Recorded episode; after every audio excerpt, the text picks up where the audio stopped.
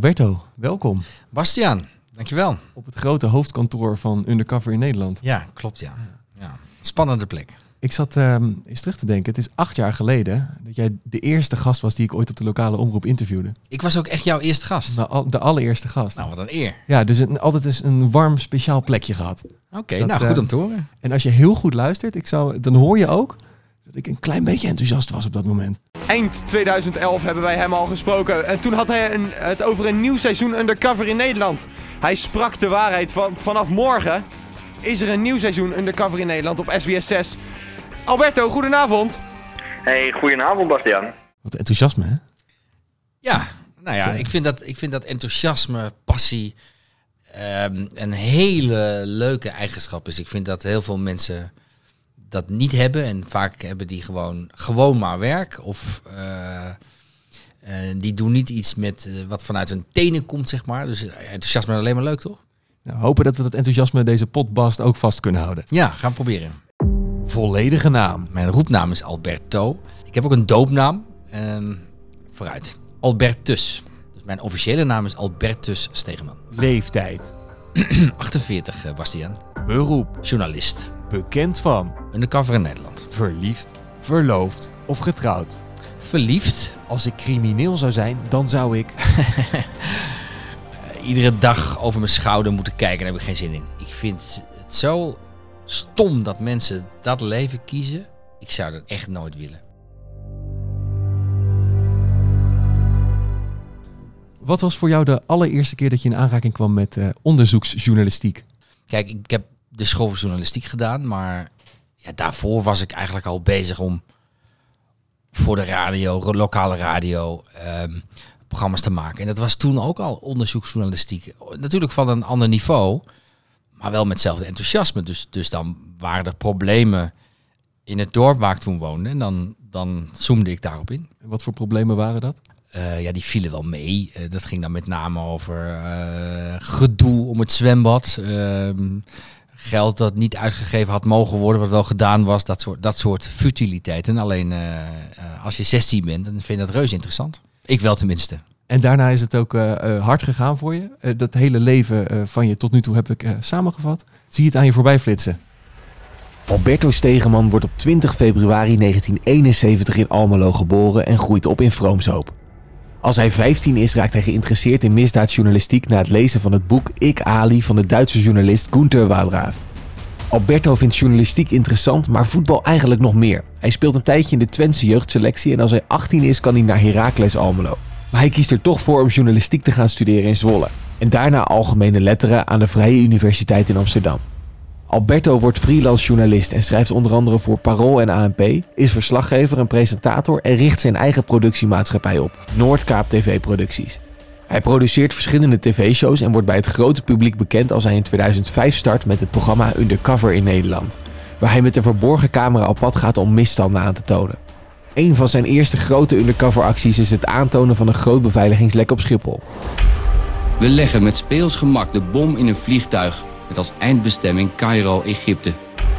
In totaal hadden 226 passagiers een fatale vlucht kunnen maken. In de jaren die volgen groeit Alberto uit tot een van de meest bekende misdaadjournalisten van Nederland. Hij smokkelt meerdere malen nepbommen binnen bij Schiphol, rijdt met een legervoertuig weg bij een kazerne, gaat undercover bij een secte en confronteert oplichters, malafide handelaren, doktoren, pedofielen. Je hebt geen idee wat je die meiden allemaal aandoet. En denk daar maar eens goed over na vannacht. Oude viespeuk. En de ervaring met zijn gezicht in de plooi houden brengt hem ook ver bij zijn grote hobby, pokeren. Oh, nog een vrouw. Hij wint. Hij wint. Het is klaar. Alberto wint hem. Alberto Stegeman de champ. Alberto wint het grootste Nederlandse pokertoernooi en is veel bezig met de sport. Als Alberto voor je staat kan het dus twee dingen betekenen. Of je hebt iets vreselijk fout gedaan, of je gaat keihard verliezen met poker. Denk je dat je indruk op hem maakt? Dwaas banaan. Nou ja, laat ik beginnen met eh, het complimenten maken voor, eh, voor je montage. Erg leuk. Ik zag je lachen. Heel vaak. Ja, ja dus mensen kennen me niet zo. Want, ehm, maar ik lach veel vaker dan mensen denken. Nou, weet je, het punt is, eh, op tv heb ik altijd te maken met criminelen inderdaad. Je hebt het zelf ge- gezegd allemaal. Ja, je gaat niet een lolletje maken over de problemen die ik aankaart. Dus mensen zien me vanaf het eerste moment tot het laatste moment serieus. Alleen ja, er is ook wel een leven naast de tv en dan wordt er veel meer gelachen. Ja, Maar vooral de fragmenten die voorbij kwamen, daar moest je, moest je af en toe om lachen. ja ik zag- moest lachen om mezelf vooral. Dat, ik, ik heb dat wel vaker.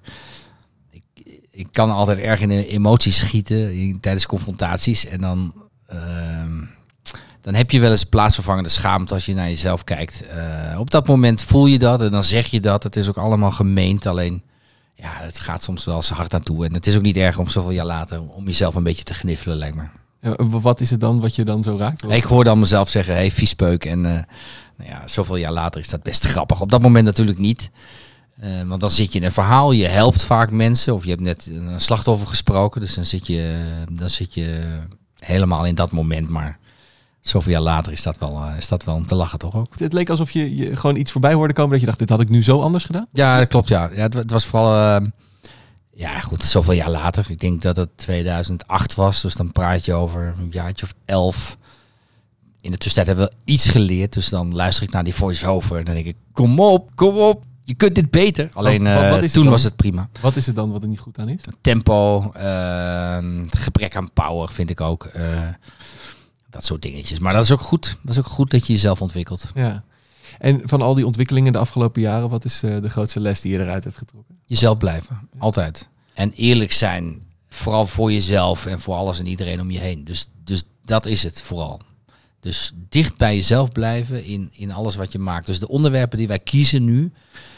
Dat heb ik altijd geprobeerd, maar ehm, eh, dat probeer je steeds vaker en steeds meer. Die moeten dicht bij je liggen en, en daar moet je vol voor gaan. Ja.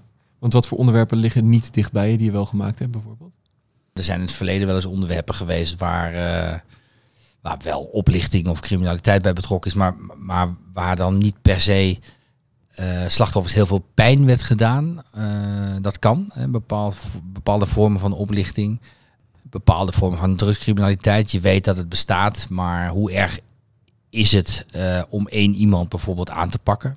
Nou, dat zijn keuzes die je maakt. En ik, ik ben steeds vaker zeg maar, eh onderwerpen aan het maken waar, waar de pijn voelbaar is bij de slachtoffers. Is dat ook, wordt dat ook beter bekeken? Of maak je er op die manier nooit de keuze? Nee, die, eh, die keuze maken we niet. Ik heb ontzettend veel verhalen gemaakt over bijvoorbeeld pedofielen. Of, ja, dat zijn ook onderwerpen waar heel veel mensen de tv voor uitzetten. Die Ja. willen dat helemaal niet zien. Alleen het is zo ontzettend belangrijk om dat te doen, dat wij besluiten om dat te doen. Maar het is niet per definitie eh, goed voor de cijfers. Nee. Zometeen nog wat, eh, wat uitgebreider in op, eh, op de tv-programma's. Maar eerst even terug naar jou ook. Want wat wilde jij worden toen je een hele kleine Alberto was? Eh, precies wat ik nu ben, journalist. En vooral een journalist die bezig was met, eh, met misstanden. En, eh, ja, het is echt een heel raar verhaal, maar dat wat ik nu doe, dat wilde ik als klein jongetje. Met een verborgen camera op pad. En het voetballerschap dan? Nou, dat zat daarvoor. Eh, Ik was echt een klein jongetje eh, toen ik profvoetballer wilde worden. Alleen ik wist ook al heel jong dat ik dat niet eh, zou kunnen worden. Althans niet het niveau wat je...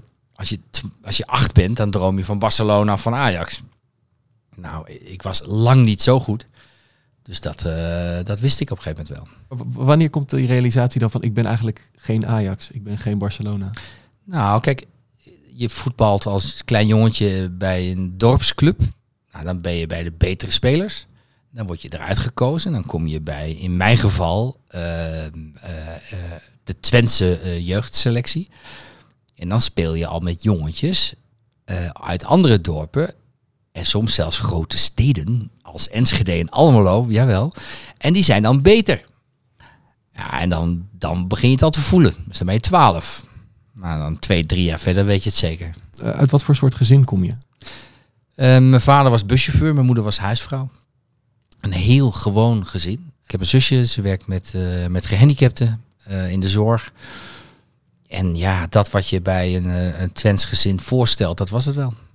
Want ik kom zelf uit Bodegraven, ik weet niet wat een Twents gezin nee, dat begrijp ik. Nou ja, eh, ik ben opgegroeid in een periode dat, ehm, dat er ontzettend veel werkloosheid was. En ik kom uit een dorp waar de hoogste werkloosheid van Nederland eh, was gemiddeld.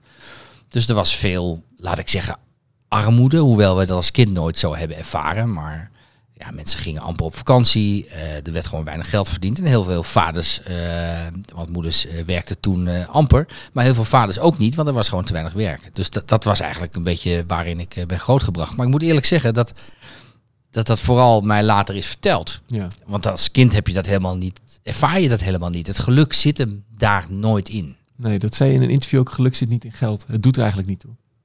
Nou ja, kijk, de mensen die geen geld hebben zullen zeggen, ja, je hebt makkelijk praten. Maar daarmee bedoel ik dat geld is ontzettend belangrijk om te kunnen eten, om, om belangrijkste dingen in het leven te kunnen doen.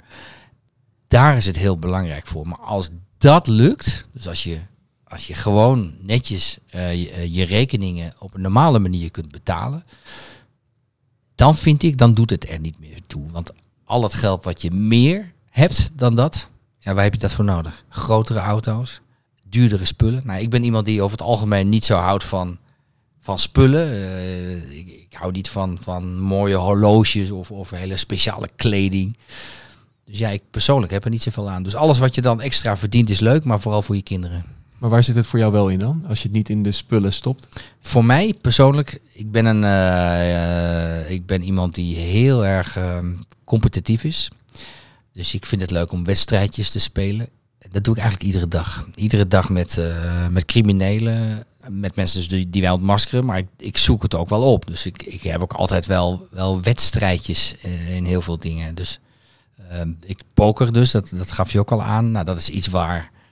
Weet je, dan heb je een hobby, maar dan, Ja. dan doe je nog steeds een hobby waarin je, waarin je de strijd aangaat met mensen. Dat vind ik leuk en dat doe ik de hele dag door.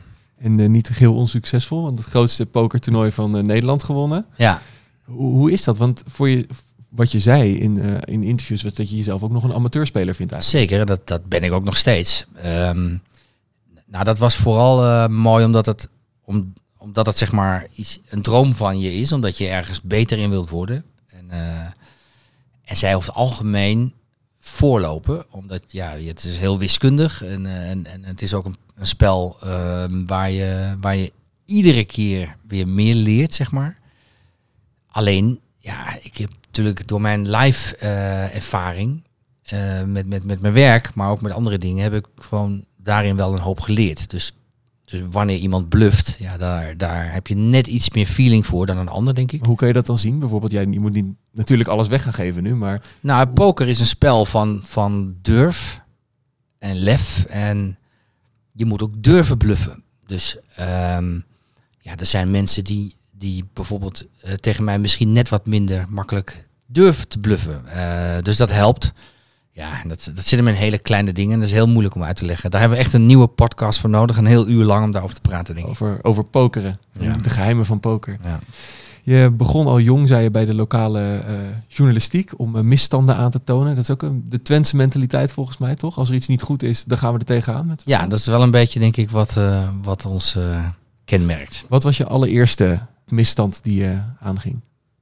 Nou, wa- waar ik echt trots op ben, was dat ik eh, net van de school journalistiek kwam. Dus een paar jaar later. Maar en toen ben ik als jonge journalist naar Qatar geweest.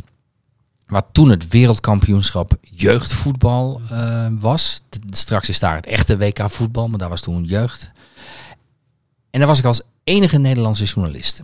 En daar sprak ik toen de coach van, eh, van Burundi. En daar speelden de Hutus en de Tutsis samen. En dat was toen een leuk verhaal voor het ANP waar ik toen voor werkte. En die sprak ik en die zei... Mijn spelers, die zijn ook benaderd door een aantal vrouwen. En die vrouwen, die...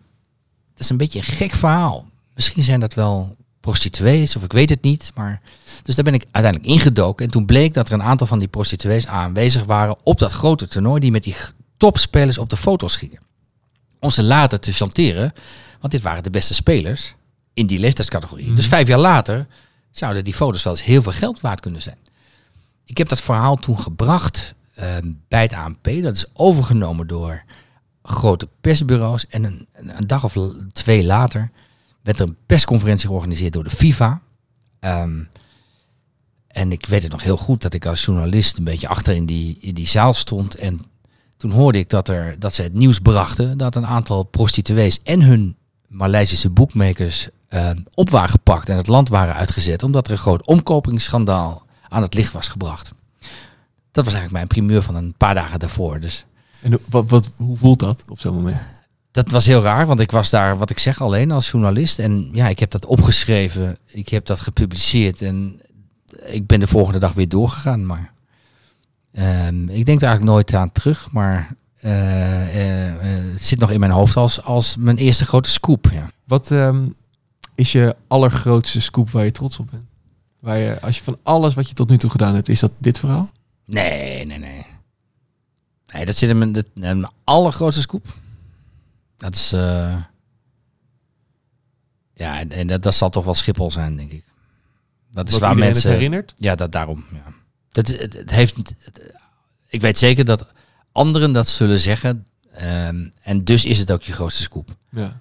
Voor mezelf natuurlijk niet, want ik heb verhalen gemaakt die me veel meer hebben geraakt of die veel belangrijker zijn geweest. Er zijn momenten met de ploeg geweest in dat we, dat we in onze ogen iets bijzonders deden of heel belangrijk waren. En die hebben veel meer impact op, eh, op jezelf. Maar in de ogen van anderen is dat het wel. Maar hoe, hoe is dat voor jou als je een belangrijk verhaal maakt, wat heel veel impact op je heeft, en dat er eigenlijk niet echt over gesproken wordt, bij wijze van? Terwijl iets wat misschien wat minder impact op jou heeft, dat dat echt groot nieuws wordt. Ja, maar zo werkt het. het. Ik vind het nieuws ook ontzettend lastig om dat, om dat altijd weer te beoordelen. Soms maak je een verhaal en denk je, nou, dit wordt groot nieuws. Dan blijft er niets van over. Dan hoor je er amper iets van. En soms, en soms doe je een kleine confrontatie met een oplichtertje en, en, en, en barst de bom en is het ineens een heel groot verhaal. Terwijl je dat zelf niet helemaal eh, vermoedt. Het is ook maar net wie pakt het op. Ja. En, en, die, eh, en dat is ook allemaal heel anders geworden. Vroeger was het zo dat je, als je een verhaal maakte en het neerlegde bijvoorbeeld bij een krant, want zo werkt het toch vaak, dat het van die krant uiteindelijk nieuws werd. Tegenwoordig leg je een verhaal neer bij één krant en de rest vertikt het gewoon om het over te nemen. Er is, er is zoveel jaloezie binnen de media. Als je het bij de Telegraaf neerlegt, dan neemt het AD het niet over en ga je het in de Volkskrant nooit lezen. Want het is niet hun verhaal, terwijl het wel degelijk nieuws is. En dat zie je, en dat zie je steeds vaker, of andersom overigens. Hè. Dus het is niet een eh, verwijt naar een bepaalde krant, maar het is gewoon hoe het eh, tegenwoordig werkt. Het zijn allemaal eilandjes eh, en de media werkt vooral voor zichzelf, steeds Ja. meer. Zou, wat zou de oplossing hierin zijn? Of is die er niet? Nou, de oplossing is dat we, dat we als journalisten veel meer toegaan naar het proberen zo neutraal mogelijk verslag te doen.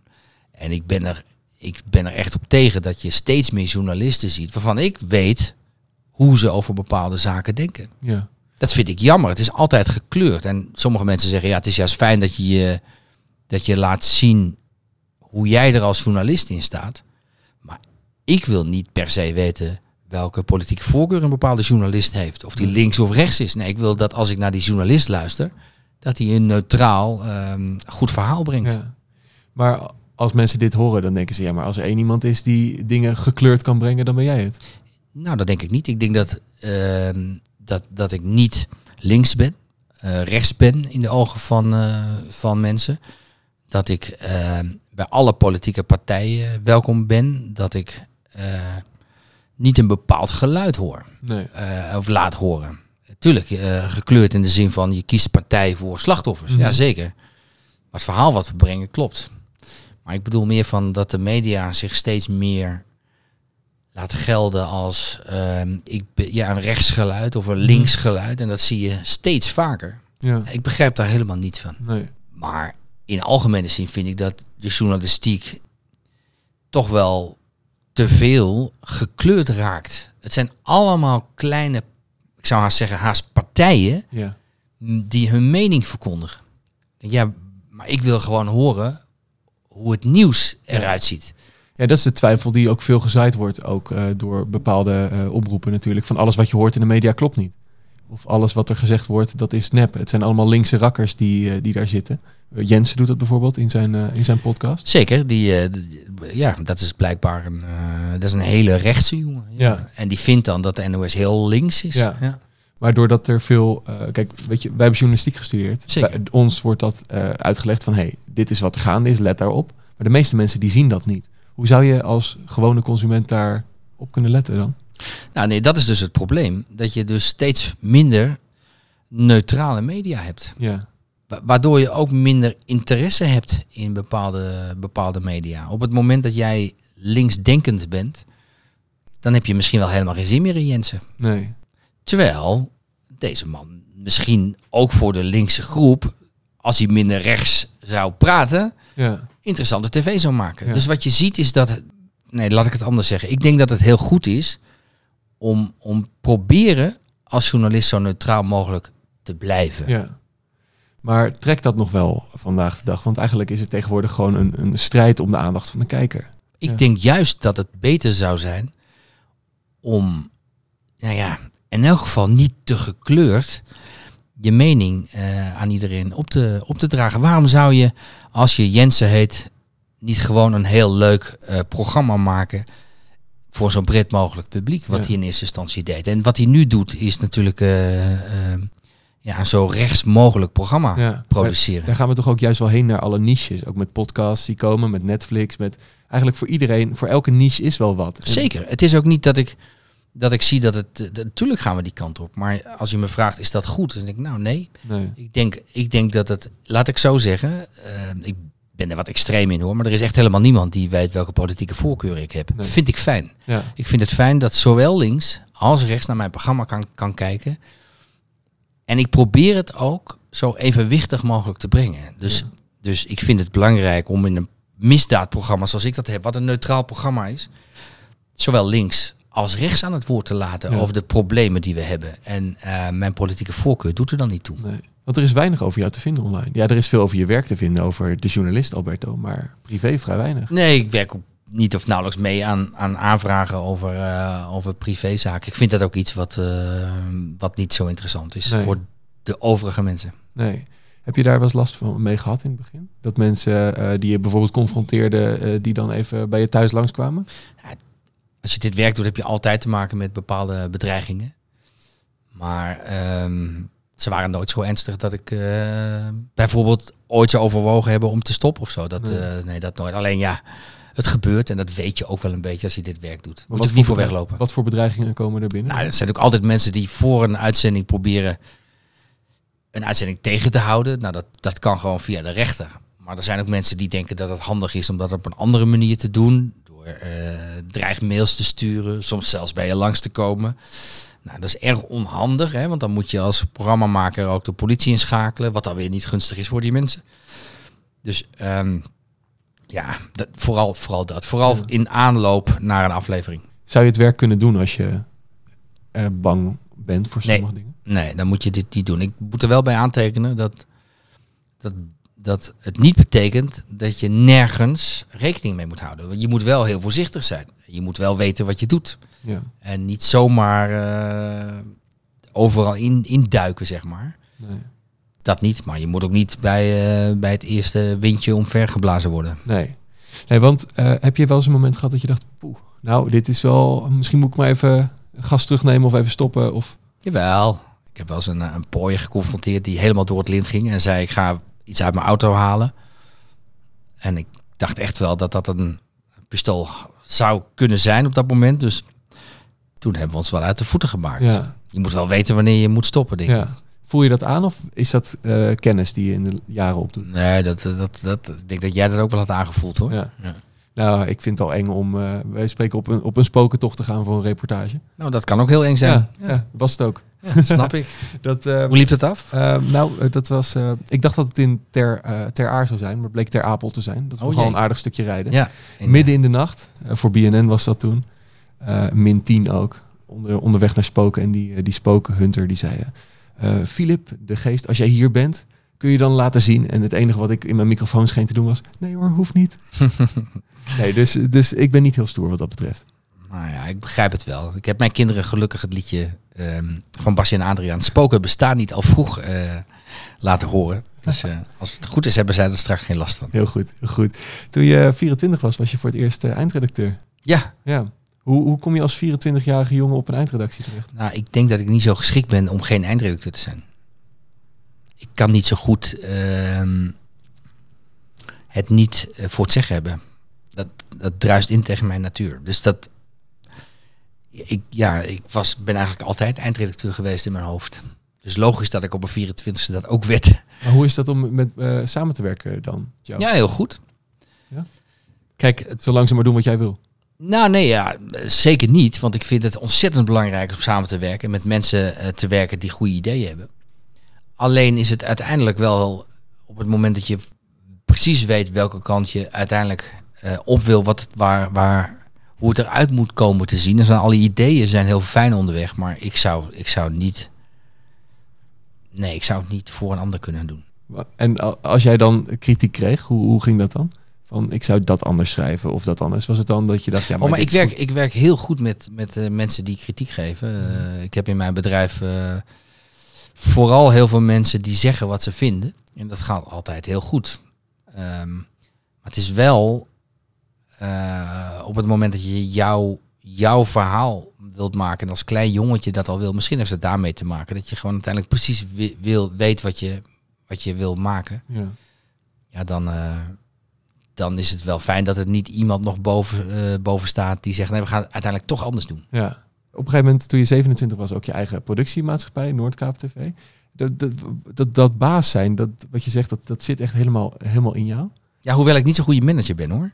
Dus ik ben iemand die vooral eh, goed is in het eh, inhoudelijke deel. Maar dat wat er omheen komt kijken, daar eh, kan ik nog wel een hoop van, van leren. Denk. Wat, wat zou je nog kunnen leren als Alberto Nou ja. de manager? Nou, dat, eh, dat ga ik nooit meer leren.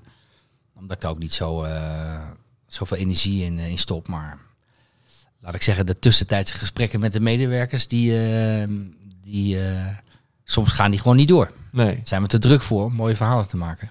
Maar hoe, hoe gaat dat dan? Want je, je weet eigenlijk nooit wanneer een confrontatie is, toch? Nee, dat weet je ook niet. Nee. Nee. Dus zou je nou, dat is niet helemaal waar, want zijn ook heel veel confrontaties die we wel gewoon voorbereiden. Ja. Waarvan je weet, oké, volgende week zo en zo laat hebben wij een afspraak kunnen regelen met iemand en dan Ja. gaat die confrontatie plaatsvinden. Maar dat is ook heel vaak dat, dat oplichters zich ergens laten zien, ineens. Ja. En dan, eh, dan Dus in theorie zou je nu gebeld kunnen worden, we moeten nu gaan. zeker. Ja. Dat is niet eens theorie, dat kan echt zomaar Ja. gebeuren. Ja, ja. Kan zomaar iemand hier nu de deur open zwaaien. Ja. En dan, dan zeg ik toch, het spijt me zeer, Bastiaan, maar we moeten nu weg. Ja, ja, ja, maar dat is, dat is ook logisch. Maar hoe zorg je dan voor rust als je constant die druk hebt? Van, Nee, maar die rust, dat, dat gaat nooit meer komen. Nee? Nee. Maar dat, dat geeft niet, want dat, dat, dat wil ik ook helemaal niet. Nee. Je je praat niet graag over je privé natuurlijk, maar ook met je relatie. Hoe, hoe pakt zij het op? Oh, dat is geen probleem. Zij heeft mij leren kennen toen ik dit programma al een aantal jaren maakte. Ja, Ja, goed. Maar het is, het is echt niet zo dat ik, eh, dat ik iedere avond weg ben. Hè? nee. Dus eh, ik heb twee kinderen. Daar ben ik ontzettend eh, gelukkig mee. Ik heb ontzettend veel tijd daarvoor. Mhm. en, en heel bewust. Alleen, op het moment dat er gebeld wordt... je kunt nu een oplichter pakken... Ja, Ja. Dan, dan, dan gaan we dat doen. Want dat hoort bij je werk. Maar dan eh, halen we dat op een ander moment weer in. Maar stel dat je dit een van je kinderen jarig is en dan komt zo'n belletje. Is het dan ook jammer voor de verjaardag, ik kom later wel weer terug? Nou, dat is een hele moeilijke vraag. Omdat je hebt gezegd dat familie voor alles gaat in interview. Ja, dat, dat is ook zo. Ja. Dus ehm, eh, ik kan me wel voorstellen dat als ik bijvoorbeeld 's ochtends al wel bij die verjaardag zou zijn geweest Mhm. en dan twee uur 's middags zo'n belletje komt, dat ik wel even mijn vriendin aankijk van eh, en, Mag ik, mag ik? en dan weet ik zeker dat ze zegt eh, ga maar lekker. Wat als ze zegt nee? Dan blijf ik thuis. Dat gaat ze niet zeggen. Ehm, eh, maar hoe, hoe komt een, eh, zo'n programma als Undercover eigenlijk tot stand? Want je, je krijgt een tip binnen. eh, Ja, heel veel tips Ja? inmiddels. Dat is echt niet normaal. Maar dat moet ook, gefilterd worden, denk ik. Op, Ja. op wat, wat bruikbaar is en wat niet. Ja, doet een redactie. Ja? Die filteren, eh, reageren op alle mails, praten met mensen die, die zich gemeld hebben. En dan, dan hebben wij iedere, iedere week een uitvoerige vergadering waarin al die onderwerpen langskomen. En dan kiezen we daaruit. En dan, wat je al eerder zei, je, je kijkt natuurlijk naar dingen die dicht bij jezelf liggen, waar je je goed bij voelt. Maar waar, waar kijk je nog meer naar? Waar selecteer je nog meer? op? Variatie. We doen graag iets wat een ander nog niet gedaan heeft. Dus het moet nieuw zijn, het moet eh, onthullend zijn. We hadden dit seizoen bijvoorbeeld een, een verhaal over ehm, misstanden in de begrafeniswereld. Mhm. Eh, dat hadden we nog nooit gedaan. Nou, dat, is, dat is dan meteen waar je op aanslaat. Ik, tenminste, ik wel. Dus dat is wat het moet zijn. Het moet, het moet je raken. Dus het moet meteen een gevoel hebben van dit kan niet waar zijn. Die, die gaan we aanpakken, die kerel. Eh, of vrouw. Het zijn vaak kerels, daarom zeg ik dat. Ehm, ook vrouwen trouwens, steeds meer vrouwen. Maar ja, dus het, dat, is het, dat is het. En het moet haalbaar zijn. Er zijn ook genoeg onderwerpen die zich eh, aandienen. Wat, wat nooit gaat lukken, omdat bijvoorbeeld een dader zich niet makkelijk laat vangen of niet laat vangen. Of, ja, dan, dan, dan houdt het voor ons ook op. Maar hoe weet je of iets haalbaar is, zeg maar? Eh, ervaring. Eh, en alle informatie verzamelen en op basis daarvan beoordelen van ja, gaat ons dit lukken? Ja. Dus jullie hebben misschien nu al zaken lopen voor mensen die nog niet eens weten dat ze nu al onder de loep liggen bij jullie. Oh, daar zijn er heel veel. Ja? Ja, ja nee, die mensen weten dat niet. Nee. Nee. Maar eh, het, het is ook wel eens misgegaan, las ik. Hoe dat, je? dat er een pizzabezorger was, tenminste las ik op AD, die eh, foutelijk aangewezen werd als een eh pooier. Nou ja, ja dat, eh, in feitelijk is dat waar. Mhm. Ehm, het verhaal eh, ligt heel ingewikkeld en ik kan daar op de radio niets over zeggen. Nee.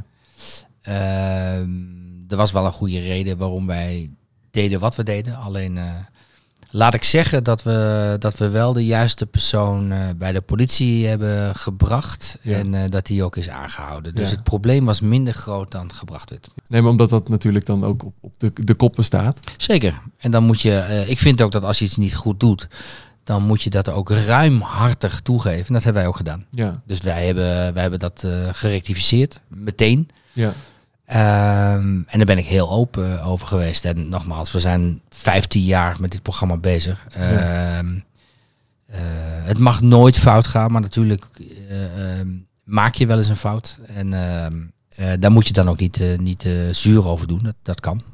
Is, geldt dat eigenlijk voor elke beroepsgroep? Dat als je een fout maakt, kom er gewoon voor uit. Wees er eerlijk over. Ja, vertel het gewoon. Ja, En dat hebben wij toen meteen gedaan.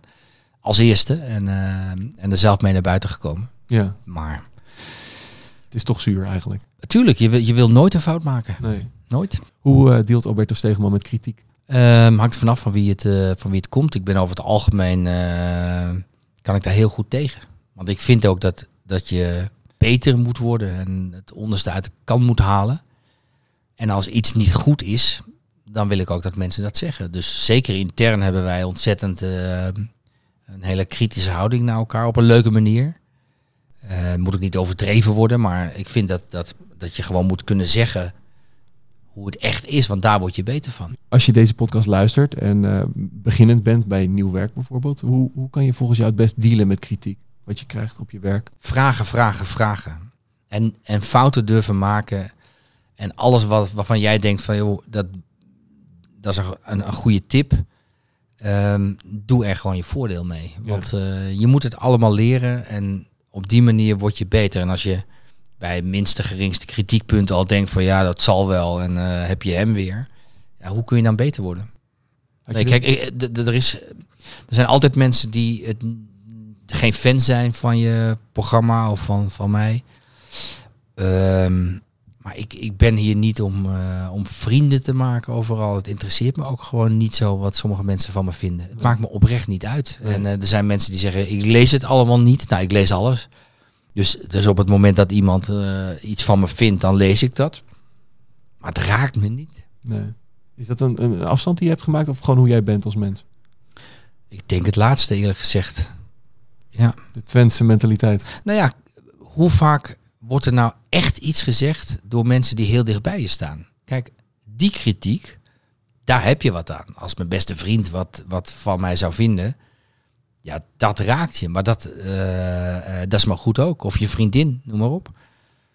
Maar op het moment dat iemand online eh, eventjes ergens een mening verkondigt, en dan raakt je dat niet. Maar ik lees het wel. Ja. En ik denk ook, nou, misschien heeft iemand hier een punt. Want je kunt er ook wat van leren. Kijk, als, als het honderd mensen zijn die dezelfde mening hebben over een bepaalde aflevering.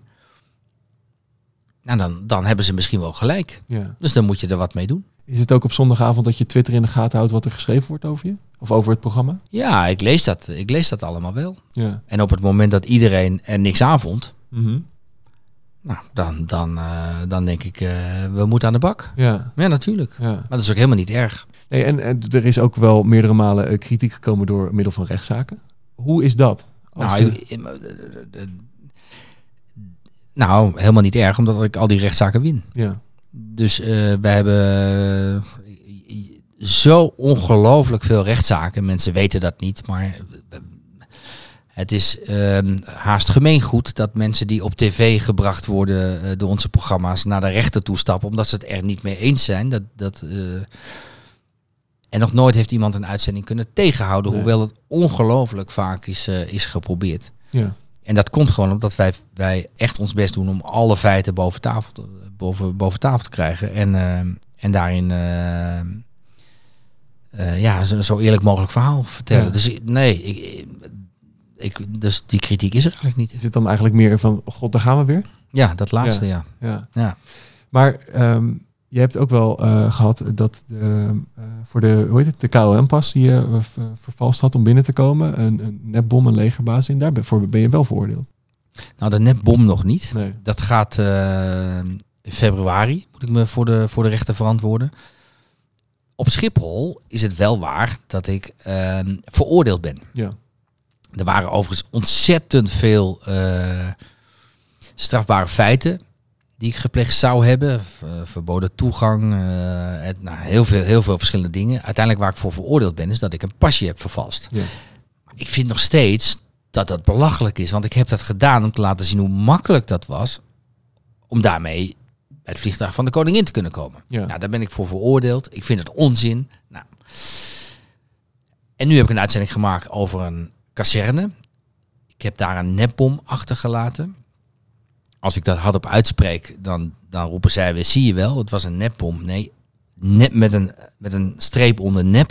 Het was gewoon een soort Basje en Adriaan in elkaar geknutseld dingetje. Ja, ik snap ook wel dat je niet zomaar dat kunt doen. Alleen mijn punt was dat, dat we wilden laten zien dat iedereen dat kan. En, en wij wilden Nederland daarvoor waarschuwen. Ja. Ehm, ze kwamen er ook pas achter toen wij dit op tv brachten. Dus het is niet zo dat wij iemand in gevaar hebben gebracht daarmee. Nou ja, we gaan zien hoe dat afloopt. Maar Ja. ik vind dat je als journalist een taak hebt om op het moment dat er echt een misstand is, op het moment dat er dingen fout gaan, om daarop te wijzen. En, eh, en eh, dit was een methode die wij vonden dat kon. Alleen de rechter gaat daarover oordelen. En eh, het verandert niet de manier hoe je onderwerp in elkaar zet. Dan neem ik aan. Nee, maar die vind ik ook niet erg. Kijk, wij staan ervoor om op deze manier dit, dit aan het licht te brengen. Ja, vindt de rechter dat dat niet kan? Oké, dan nemen we dat mee in, eh, in de volgende overweging. Ja. Begeleid jij jonge talenten die ook eh, misdaadjournalist willen worden? Intern natuurlijk wel. Ja. Af en toe zijn er gewoon weer, eh, weer nieuwe talenten. En die probeer je zo snel mogelijk binnen te harken. En die werken je dan. ja. Wat is de grootste les die je de jonge talenten mee kan geven? eigenlijk waar we mee begonnen. Dat is probeer zo dicht mogelijk bij jezelf te blijven. Wat vind jij zelf belangrijk?